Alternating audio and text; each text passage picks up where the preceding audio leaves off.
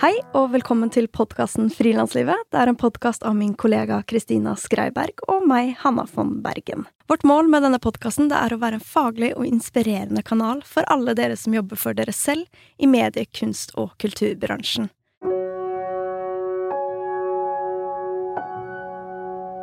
Ukens annonsør er regnskapsprogrammet Fiken. Akkurat som oss brenner fiken for at flere frilansere og små bedrifter skal lykkes, og bak fiken så står mennesker som selv har erfart hvor vanskelig regnskap kan være, og de har derfor laget en løsning som gjør det lett å føre regnskapet selv. Så lett at både Kristina og jeg har brukt det i flere år, og helhjertet anbefaler det til andre frilansere.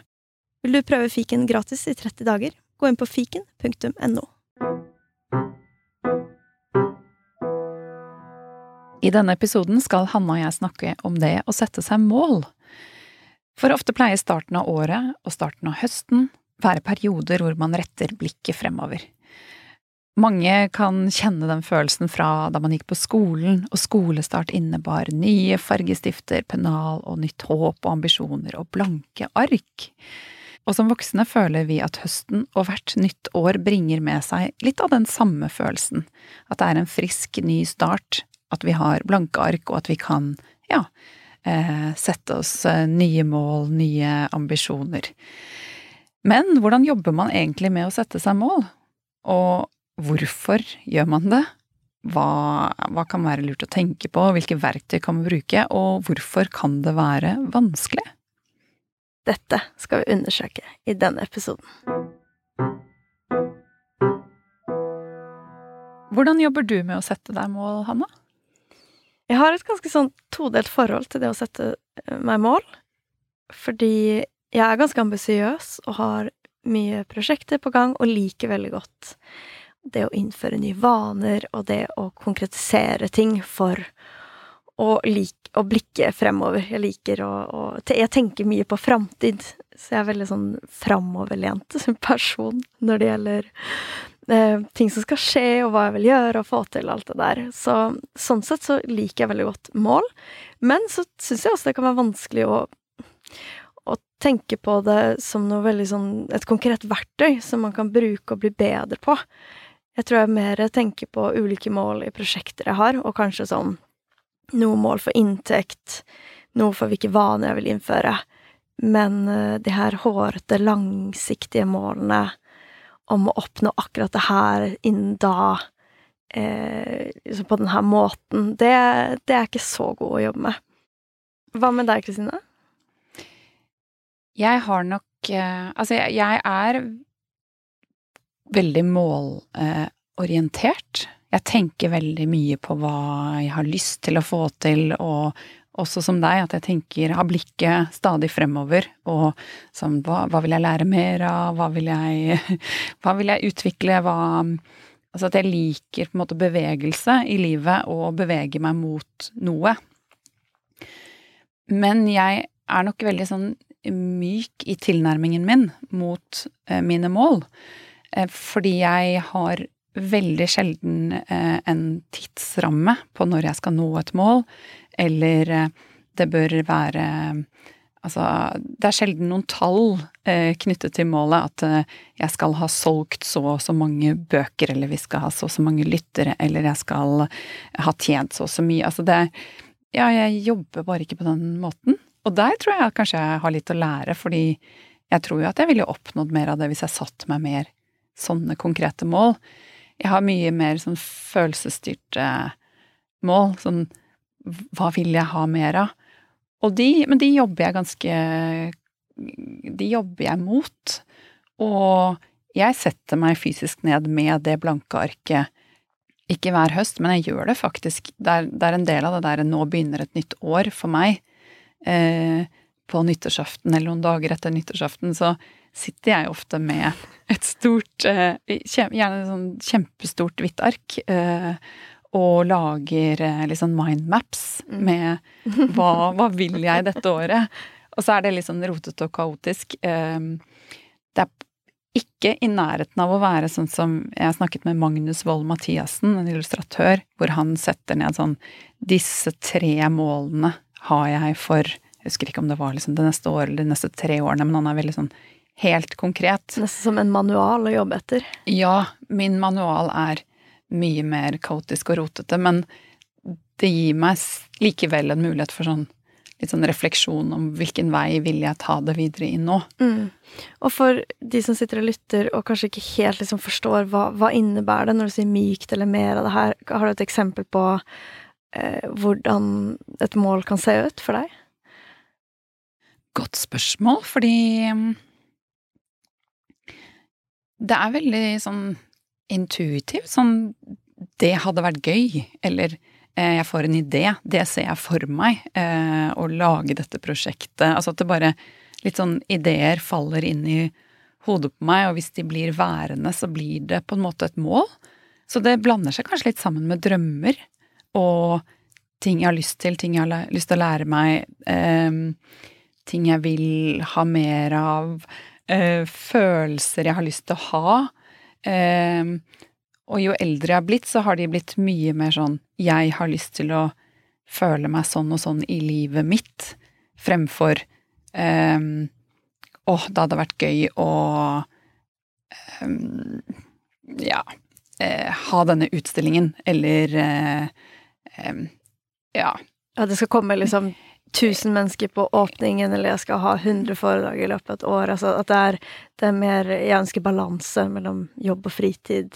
Er det mer sånn at det Nå har det blitt mye mer av det, og før var det nok mye mer sånn eh, oppnå synlighet eller få til ting. Men det er Nei, nå roter jeg litt, for det er vel egentlig fortsatt det. Men det, det kommer Ønskene kommer vel mer fra en sånn eh, Dette har jeg skikkelig lyst til greie. Mm. eh, dette hadde gitt meg noe i mitt liv nå. Og det kan jo forandre seg hele tiden. Eh, fremfor Og derfor kaller jeg de kanskje myke, fordi det går mer på en følelse fremfor eh, Åh, oh, jeg vil nå eh, 10 000 lyttere til podkasten vår eh, innen jul, og så jobber jeg beinhardt for det målet. Eh, og jeg hadde jo sikkert fått et kick av at vi hadde oppnådd det, og det hadde vært mye lettere å måle, men for meg er målene mye mer eh, Hva har jeg lyst til å lære mer av mens vi to jobber sammen? Eller mm. hvilke temaer har jeg lyst til å lære mer av? Hvordan, eh, hvordan ser jeg for meg dette prosjektet ta form? Skjønner meg eh, veldig igjen. Det er mer svevende. Ja, jeg er ofte sånn at eh, jeg har ofte et mål om at det skal være gøy å jobbe med det jeg gjør. Og det er jo også veldig sånn ikke så lett å måle, for av og til er det gøy, av og til er det ikke det. Men jeg syns også at det er viktig. Det er mer som verdier. Og ofte skiller man jo litt på det her med visjon og verdier og mål, mens i praksis så blandes alt kanskje litt, litt mer, da.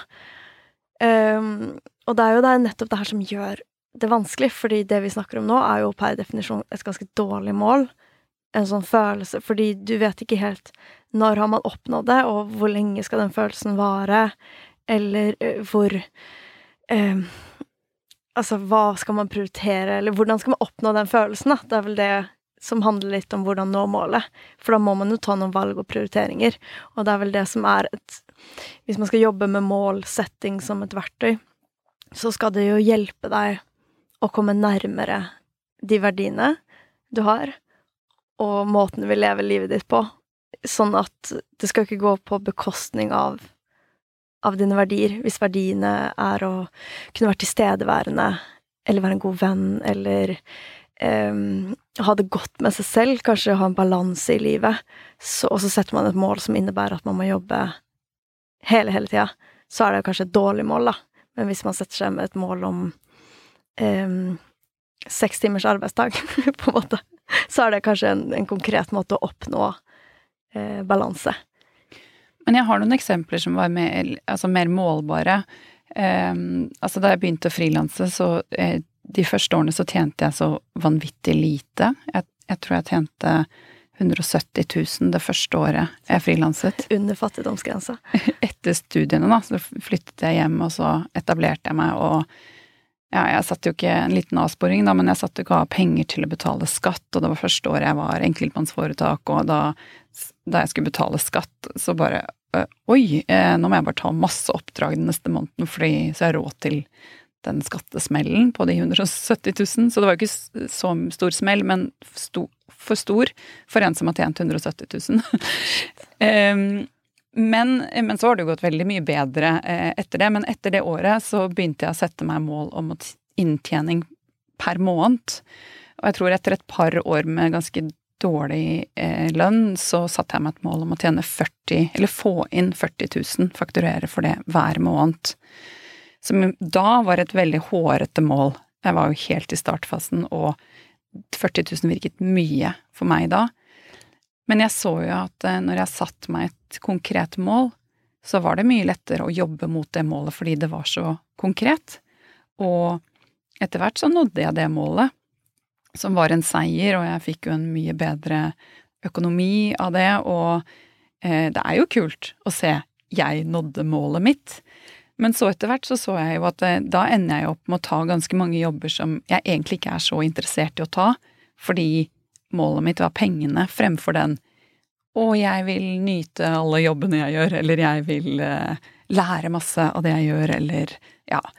Um, så disse målene forandrer seg jo hele tiden. Så da justerte jeg det ned. At jeg ja, kunne tjene heller litt mindre, sånn at jeg også kunne ta på meg litt flere hjerteprosjekter, for eksempel. Mm. Så jeg tenker at hvis man setter seg veldig konkrete mål, så eh, Så er det ikke så lett å også ta vare på seg selv i det målet, hvis det er et ambisiøst mål. Og noen ganger så er det helt topp. Men så har nok jeg blitt mer og mer bevisst på i løpet av årene at jeg Hvor viktig det er for meg å ta vare på meg selv inn i dette her, da. Mm. Jeg kjenner meg veldig Finne en balanse. Ja. i samme utvikling. Og vi kommer litt inn eh, på dette med eh, hvorfor sette mål, og hva hva det å sette mål eh, kan ha for positiv effekt. Um, og jeg tenker jo at um, det er nettopp du, Vi har snakka litt om å visualisere i noen tidligere episoder, og jeg vet at du er fan av det. Um, og, og, det å sette mål er jo en måte å visualisere noe på som jeg tenker at både kan gjøre at man uh, får en tydeligere retning, uh, fordi du Det å sette mål gjør at du må prioritere og ta valg. Jeg føler også at det kan gi energi, uh, og det å føle at Og nå beveger jeg meg nærmere og nærmere dette her som ligger der framme, da, som jeg virkelig vil oppnå. Så jeg tenker jo at det, det, å jobbe med det som et verktøy kan ha utrolig mye bra effekter.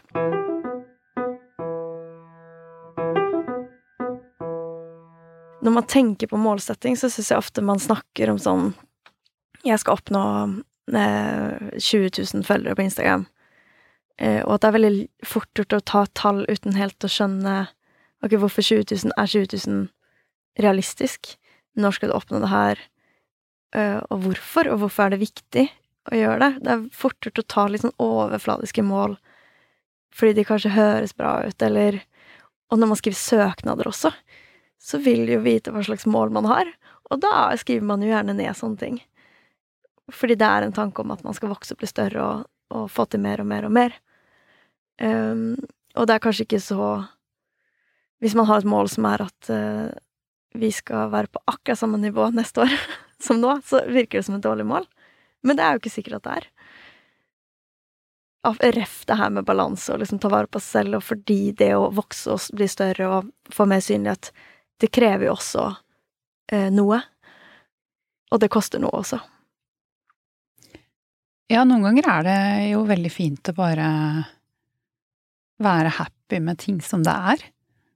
Og ikke hele tiden jage etter noe nytt, da.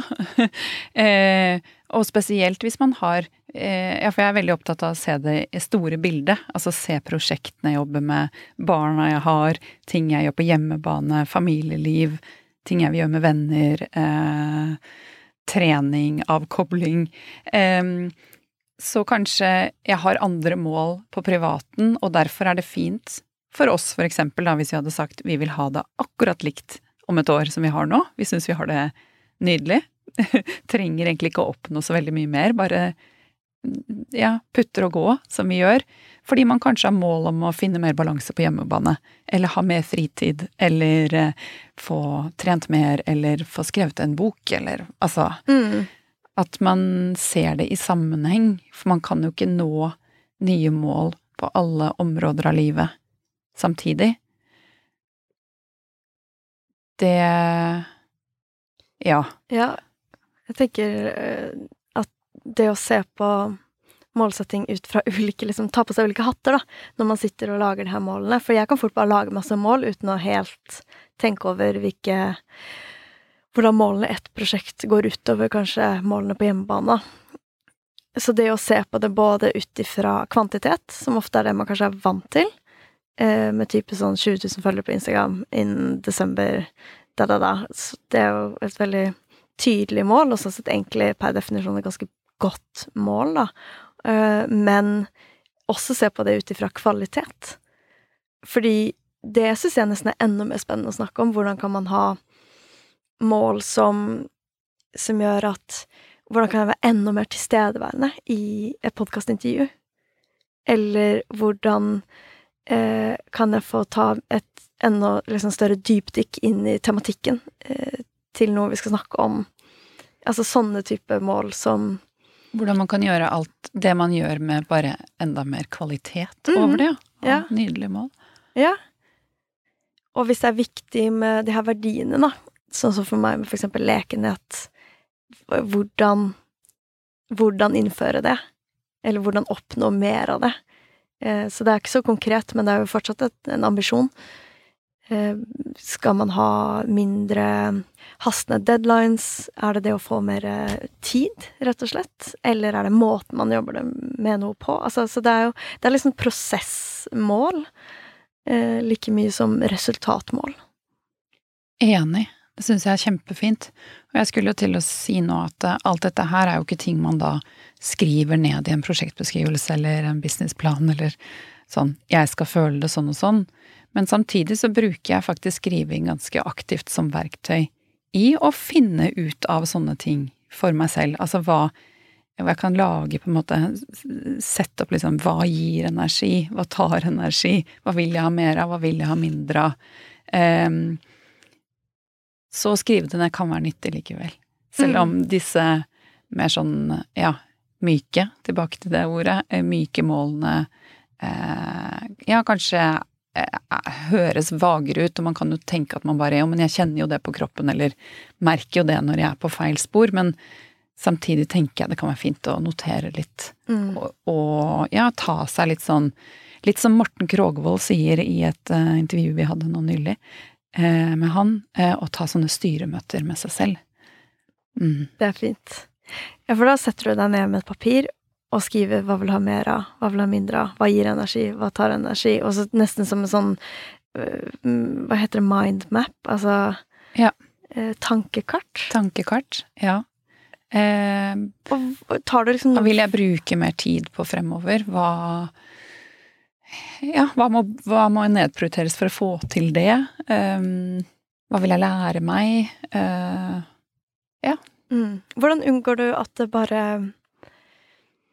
blir eh, for mye? Altså hvordan For det kommer jo den viktige delen inn å kunne uh, Hvis du vil ha mer av noe, så må du ha mindre av noe. hvordan går du fram etter, etter det her, liksom Etter å ha hatt den prosessen med å kartlegge? Jeg tror det er litt som min mann sier, hvis jeg kjøper et plagg, så må et plagg ut av skapet. som jeg er veldig motstander av, for jeg vil eh, gjerne bare ha alt. Men at man kan ikke ha alt, så hvis du velger å tilføre noe, så må du se at noe annet må nedprioriteres. Em, og det er ikke sånn at Altså, jeg, jeg sitter kanskje med dette bare én gang i året. Jeg pleier å gjøre det i starten av et år, eh, men jeg koser meg med det. Jeg drikker en god kopp kaffe eller et godt glass vin og liksom har en sånn 'nå starter et nytt år'. Eh, Men jeg skulle gjerne gjort det oftere, fordi det er eh, utrolig nyttig. Jeg vet om folk som er supersuksessfulle, som gjør dette eh, ja, nesten en liten sånn refleksjon hver dag eller hver uke. Om liksom hvilken, hvilket spor er jeg på nå? Men jeg tror nok det hadde vært nyttig å gå oftere tilbake til det tankekartet og titte. Sånn, Mm. er, jeg- er jeg i tråd med det jeg har skrevet ned. Men bare å gjøre det i seg selv, eh, da er man på god vei. Ja, for det er jo ikke sånn at man enten er dårlig eller god på å sette mål. Det er jo et verktøy som man må øve på å bli god på. Eh, vi gjorde en øvelse mm, under studietiden, eh, Kaospilotene i Danmark, som jeg likte veldig godt. Og det var å virkelig legge ut et sånn skikkelig stort ark på gulvet. Og så tegner man opp en vei eh, for hele fjoråret. Um, så det er jo en refleksjonsøvelse. Og så skal du skrive ned liksom ulike ting som skjedde det året, som har påvirka deg, eller som har betydd noe for deg. Det kan være et jobbprosjekt, det kan være noe som skjedde på privaten, det kan være en ferie. Hele livet. Og så eh, har du noen spørsmål, og da kan du tegne tegninger hvis du har vært på topptur, eller hvis du oppnådd liksom noe spesielt mål, eller et kult prosjekt, eller hva enn. Kan du liksom tegne små figurer og, og ting. Og skrive ord. Og så kan man stille seg selv spørsmålet eh, Hvor lærte jeg eh, noe? Eller hvor lærte jeg eh, som mest? Eh, hva satte mest inntrykk? Eh, hvor Kanskje fikk jeg mest energi? Du kan jo finne på de, egne, de spørsmålene du vil besvare selv. Og så satte vi ut små telys på ulike steder da, i året som hadde vært. Um, og, og, gikk litt inn i sånn Hvorfor var det her prosjektet så krevende? Hva, hva skjedde feil der? Eh, og det kan jo være at gruppa ikke funka, det var konflikt eller det var stress eller hva som helst. Eller hvorfor funka denne perioden så bra, eller hvorfor var jeg så stolt av det øyeblikket? Og jeg syns at det er en veldig fin refleksjon for å ta med seg inn i neste år, for å så kunne se på eh, nettopp det her, da. Hva vil ha mer av? Jeg sitter og måper litt, jeg syns det er så nydelig. Ja, det... Altså, wow! Kjempefin øvelse. Hvis man kjeder seg litt, så kan man være litt sånn hva, hva skal jeg bruke tiden min på? Men det å tørre å bruke den på litt sånn samtaler med seg selv, eller sammen med andre, og reflektere litt, det kan være utrolig fint. Men jeg vil også legge til at det er jo mye lettere å gjøre det når man er på et godt sted. Ja. Fordi dette kan kjennes veldig vanskelig hvis man føler at eh, Altså hvis man ikke helt har troen på at det kan komme nye bra ting til, eller man føler at det året som gikk, ikke var som man hadde ønsket. Og det med å sette seg mål, jeg tror det kan kjennes veldig vanskelig hvis man ikke har eh, mye mestring å se tilbake til. For hvis man tidligere har satt seg mål, eller tidligere har oppnådd ting eh, og kjent på den seieren noen ganger, så gir jo det veldig mersmak til å tenke at åh, jeg har også lyst til dette, og da, da, kommer det litt mer av seg selv. Mens hvis man ikke har fått eh, Ja, hvis man ikke har kjent på det, så er det jo mye vanskeligere å tro på egne mål. Eh, og tørre å sette seg mål. Mm. Og det å kanskje gjøre målene litt mindre Eh, hårete Altså, det er ikke det at man skal ha lav ambisjon, men jeg tenker at det kan godt være en stor visjon. Men så kanskje kan målet være at du skal sende én e-mail i uka som er til en fremmed person. Altså at det kan være et mål som hjelper deg mot det å få kulere oppdrag, eller mer spennende karriere, eller hva enn eh, som er eh, liksom den store visjonen, da. Eh, men det der å gjøre det om til noe som kan implementeres i hverdagen. Og der er jo du veldig god på å tenke sånn Sette av tid og, og blokke ut eh, Blokke ut tid til å gjøre liksom de her små stegene. For det er jo de små, små, små, små stegene som får deg langt der framme. Ja, og jeg tenker alle må starte der det kjennes riktig for en selv. Eh, og prøve å ikke sammenligne seg med alle andres mål og alle andres eh, eh, achievements, hva heter det? Ja. Mm. Det, det, alle andre får til. Eh, så hvis eh, ens egen komfortsone eh, ikke er så stor, og bare det å ta en telefon til et, et en ny oppdragsgiver eller sende en e-post til en fremmed person, hvis det bare er liksom rett utenfor sin egen komfortsone, så start bare på kanten der, eller kanskje litt innafor til og med, og så blir den der komfortsonen etter hvert som du går stadig vekk litt større, og du vil mens du går, få troen på at du også kan komme nærmere de tingene du ønsker deg, tenker jeg.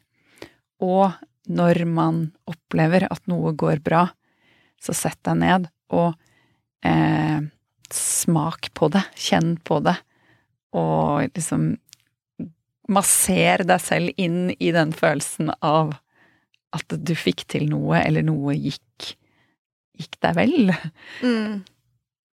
For det å ha den derre selvomsorgen tror jeg er så viktig, og jo mer du masserer deg selv inn i det, jo mer får du en følelse at eh, å, jeg kan ha denne deilige massasjen en gang igjen. Mm. Mm. Ja, det, og det å stoppe opp og faktisk liksom feire litt, og det å reflektere tilbake og se på det du også oppnådd, da, eh, det syns jeg at eh, man gjør altfor lite. Det er fort å glemme det i en ganske sånn hektisk hverdag, og eh, man ser ofte framover og tenker hva man vil oppnå, og så glemmer man litt å se tilbake på alt det man har oppnådd. Og man kan lett tenke at å, men det er jo ikke viktig, og jeg, hvorfor skal jeg ta meg tid til det? Men det er viktig, fordi det vil gjøre at du vil tørre å sette deg nye mål og nye ambisjoner og få mer tro på deg selv, og det er dritviktig, fordi det er sånn du klarer å drive deg selv fremover. Og i dette frilanslivet så er det jo det man må gjøre, å hele tiden drive seg selv fremover. Så ja, den selvomsorgen er superviktig.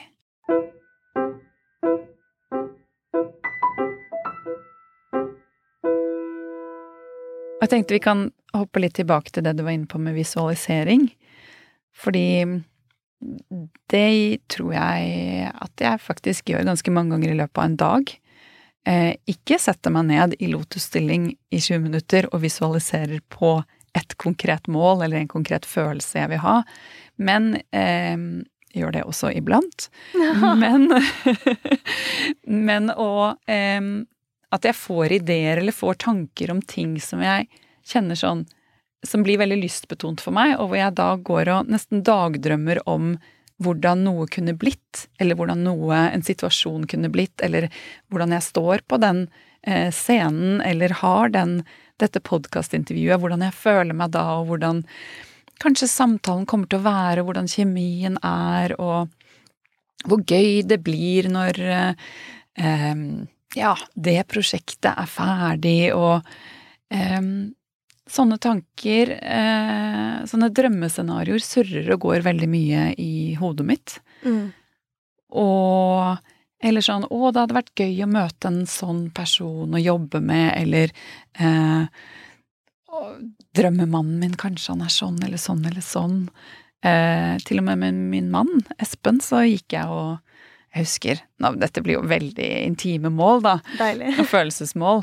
Men eh, jeg var ganske langt nede etter et eh, brudd eh, før jeg møtte min mann, som jeg nå har vært sammen med i ti år.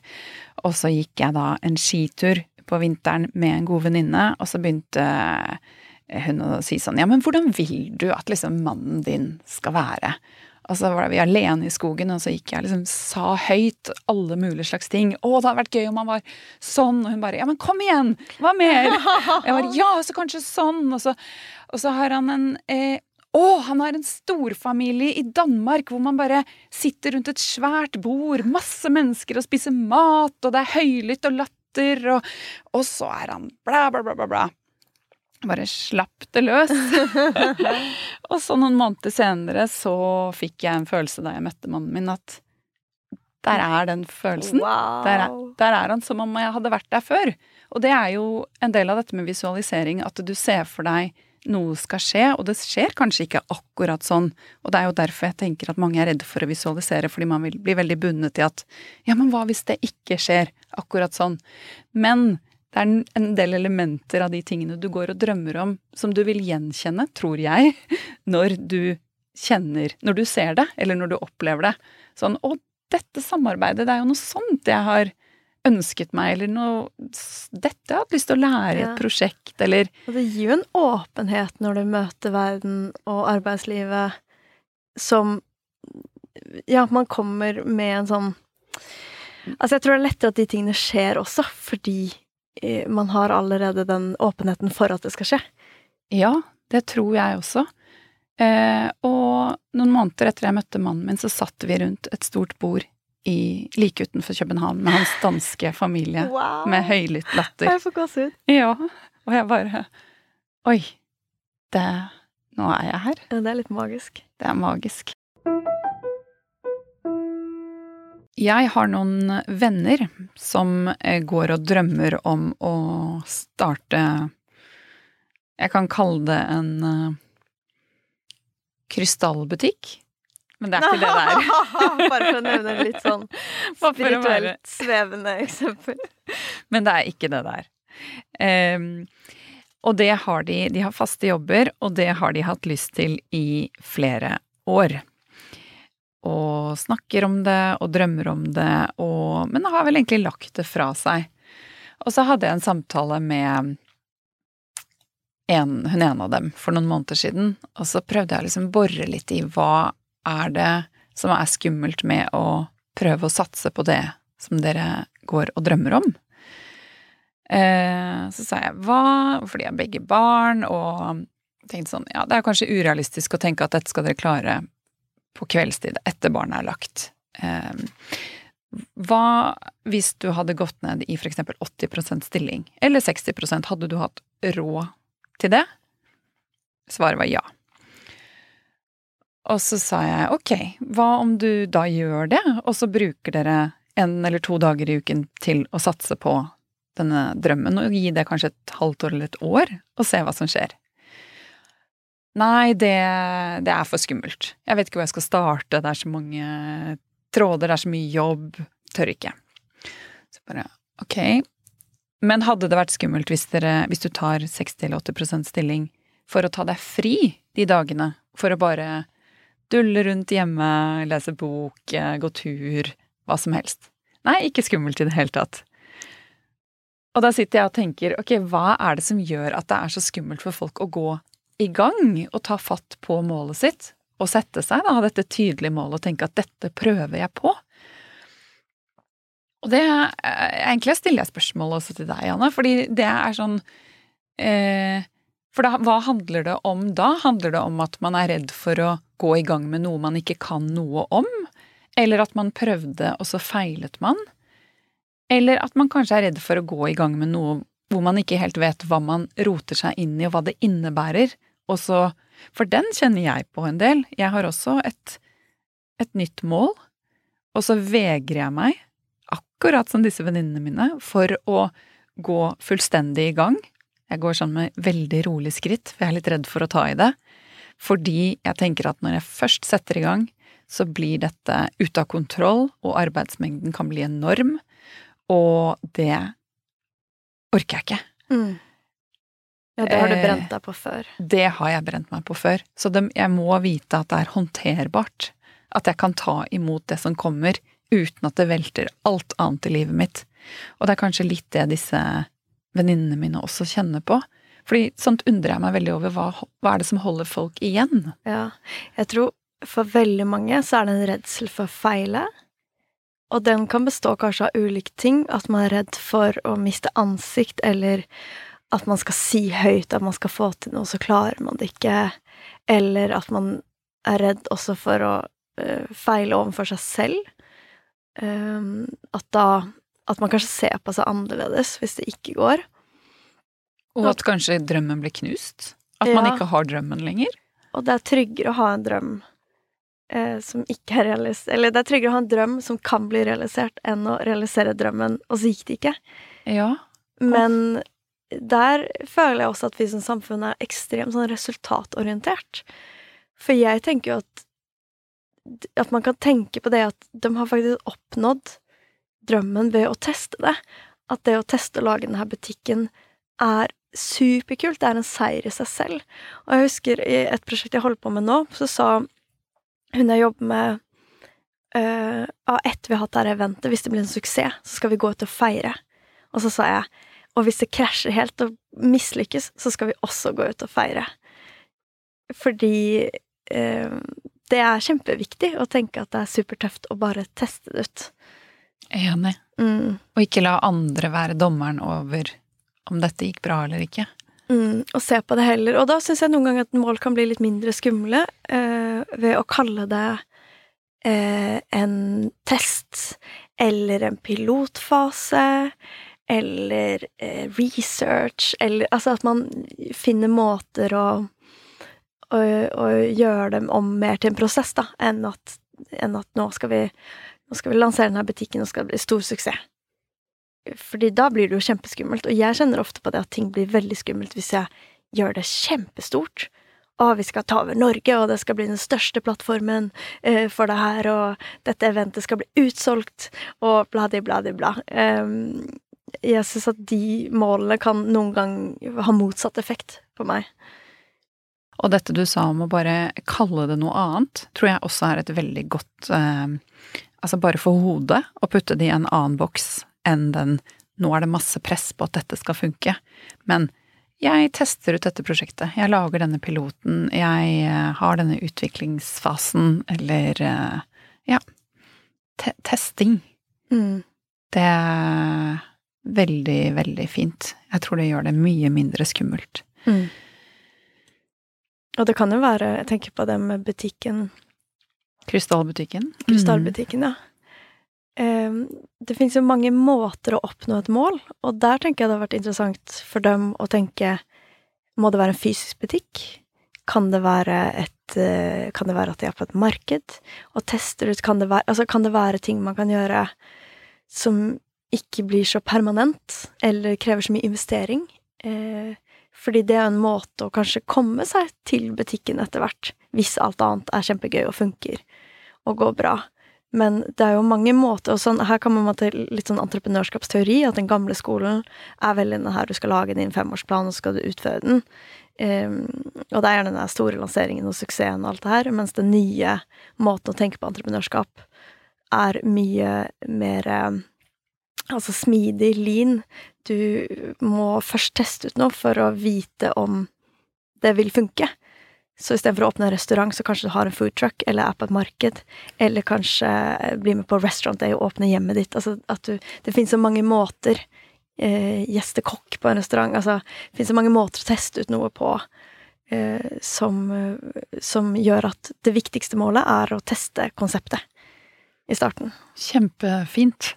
Og tilbake til da å da kalle det en pilot eller en test, og gi seg selv eh, litt tid mm. til å utforske, og ikke legge så mye press på dette målet. Mm, og da blir ikke målet eksempel nå jobber jeg med et prosjekt hvor vi skal ha en utstilling. Det viktigste målet for den utstillingen er kanskje ikke kjempehøye salgstall eller eh, Eller at det liksom skal være perfekt. Det viktigste er faktisk å lære masse. Og få feedback fra de som er med, for å forstå hvilke behov de har, sånn at vi kan utvikle prosjektet videre til å virkelig skape masse verdi. Men det som eh, Nå går jeg litt tilbake til det som andre ting som holder en igjen, som du nevnte at man eh, At noen ganger koster for mye. Og det kjenner jeg også at det, eh, det å få mye erfaring, det gjør at man tør, men det gjør også at man holder igjen, kan det. Mm. For jeg vet hvor mye Eller at etter hvert prosjekt jeg har gått inn i, så tar ting mye lengre tid. Og jeg sitter alltid og tenker wow, så mye arbeid som ligger bak. Og det vet jeg jo, så hvis jeg starter noe igjen nå, så vil det ta mye lengre tid og være mye mer arbeid enn jeg ser for meg.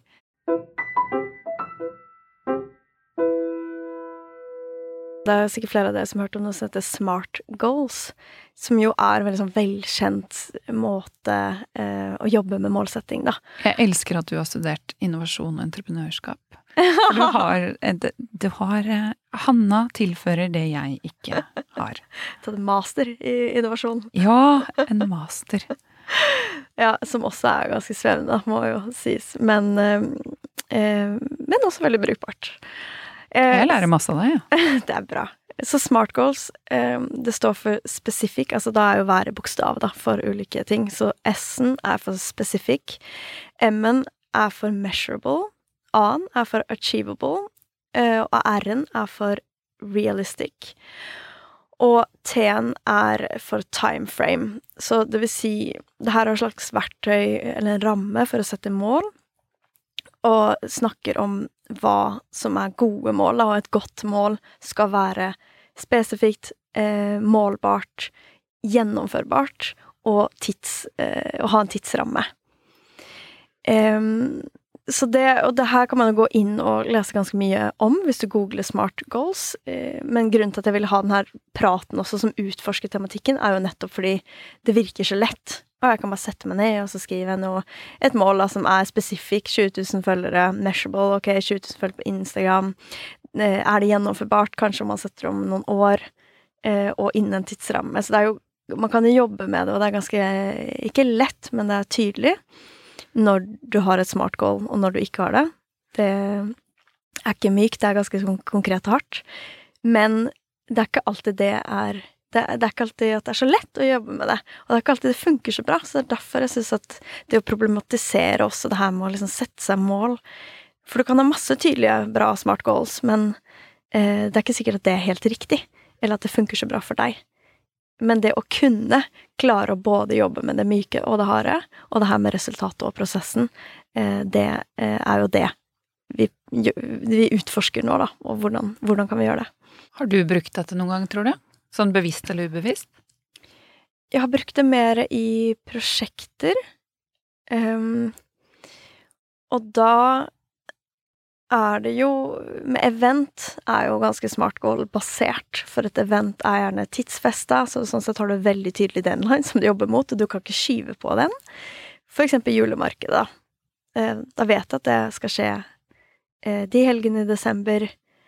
Eh, man setter tidspunktet. Jeg vet hvor mange som får plass av aktørene i type lavvoer, så det er ganske sånn tydelig ramme rundt hvor mange aktører kan vi ha, når skal det skje, hvor mange besøkende ønsker vi, og det handler jo litt om hvor mye inntjening man ønsker for aktørene, sånn at det skal lønne seg for de å være der, og hvilken prosentsats vi tar. Så da jobber jeg veldig mye med tall og konkrete mål.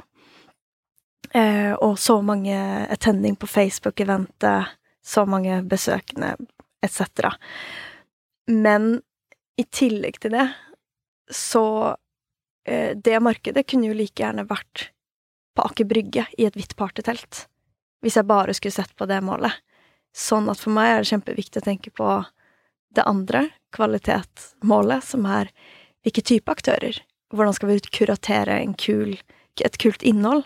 Hvordan skal det bli en kulturopplevelse som er overraskende? Hvordan kan det Hvilke verdier skal markedet ha? Skal det være eh, lavterskel og hobbybasert? Skal det være veldig eh, prestisjefylt? Skal det være eh, lekent? Skal det være Altså, hvor jovialt skal det være? Eh, skal det være på en måte Skal vi servere gin, eller skal vi servere øl? Eller kaffe på kanna, eller espresso? Altså, så alle de her tingene som innholdet består av, påvirker jo opplevelsen og verdiene. Så det å snakke mye om følelsen vi vil skape, syns jeg er kjempeviktig når jeg jobber med eventer. Men det smart goals er jo noe man kan eh, bruke når man har funnet ut av alt det du snakket om nå. Mm. Når man har den pakka, som er eh, opplevelsen og verdien og følelsen og eh, grunnen til at man gjør det, eh, og hvordan man vil gjøre det, så putter man på denne smart goal-modellen. Eh, ja. Ikke sant. Jeg tror jeg veldig ubevisst jobbet med smart goals da jeg eh, jobbet mot eh, Hei nabo, eh, som et prosjekt jeg hadde jobbet med lenge, eh, som jeg ga ut som en bok og hadde en utstilling i Rådhusgalleriet i 2016. Og da satt jeg med veldig tydelige tidsfrister underveis som jeg hele tiden jobbet mot. Men jeg ser jo at det, at det skal være realistisk, og at prosessen skal være realistisk, det er ikke alltid så lett å tilrettelegge for. Fordi jo, nærmere jeg kom selve åpningen, jo mer måtte jeg jo jobbe hver eneste kveld. Som går på bekostning av eh, søvn og helse og overskudd. Og det brant jeg meg veldig på, at jeg så at dette ble alt, et altfor stort tog å skyve fremover for én person.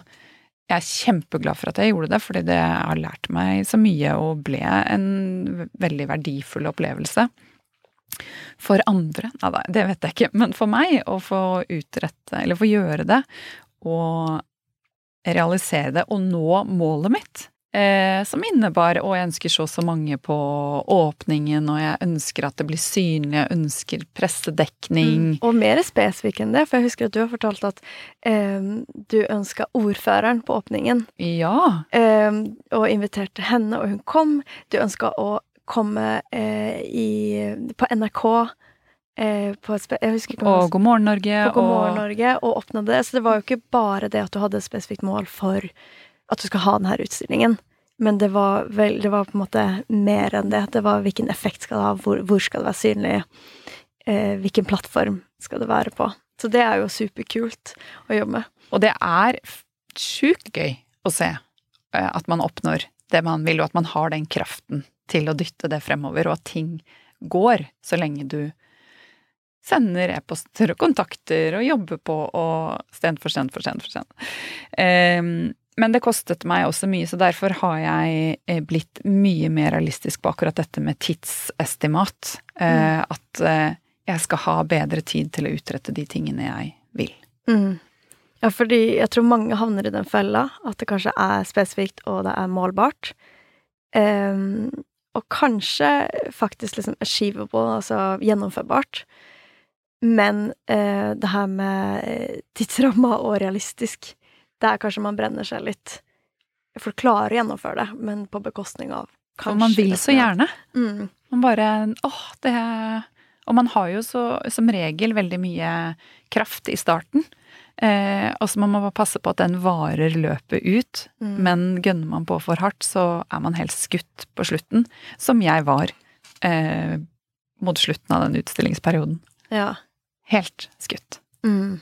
Og da blir man litt redd for å gå inn i, i noe lignende. Så man, det er jo en god læring da, for å være mer realistisk i, sin, i det å sette mål, og hvordan man jobber med det. Men uh, Altså mitt mål etter det var lenge å ikke ha noen mål. Det er fint. Ja. Å gjøre minst mulig som var ute av komfortsonen. Mm. Mm. Komfortarbeid. Mm. Mm.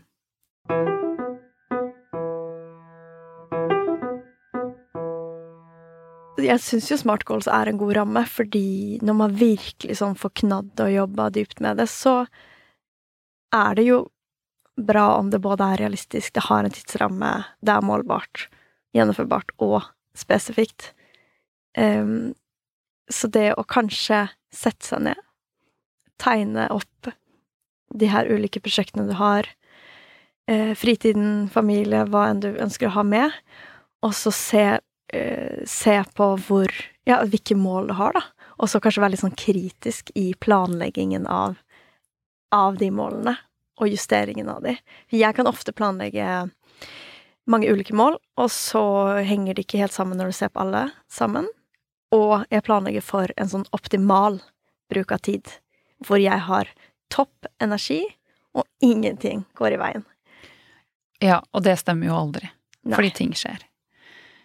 Og dette med Her snakker vi på en måte litt om sånn om resultatet er viktigst, eller prosessen. Og eh, det optimale er jo selvfølgelig at prosessen også er helt eh, nydelig. For prosessen er lengst, og resultatet varer eh, kortest.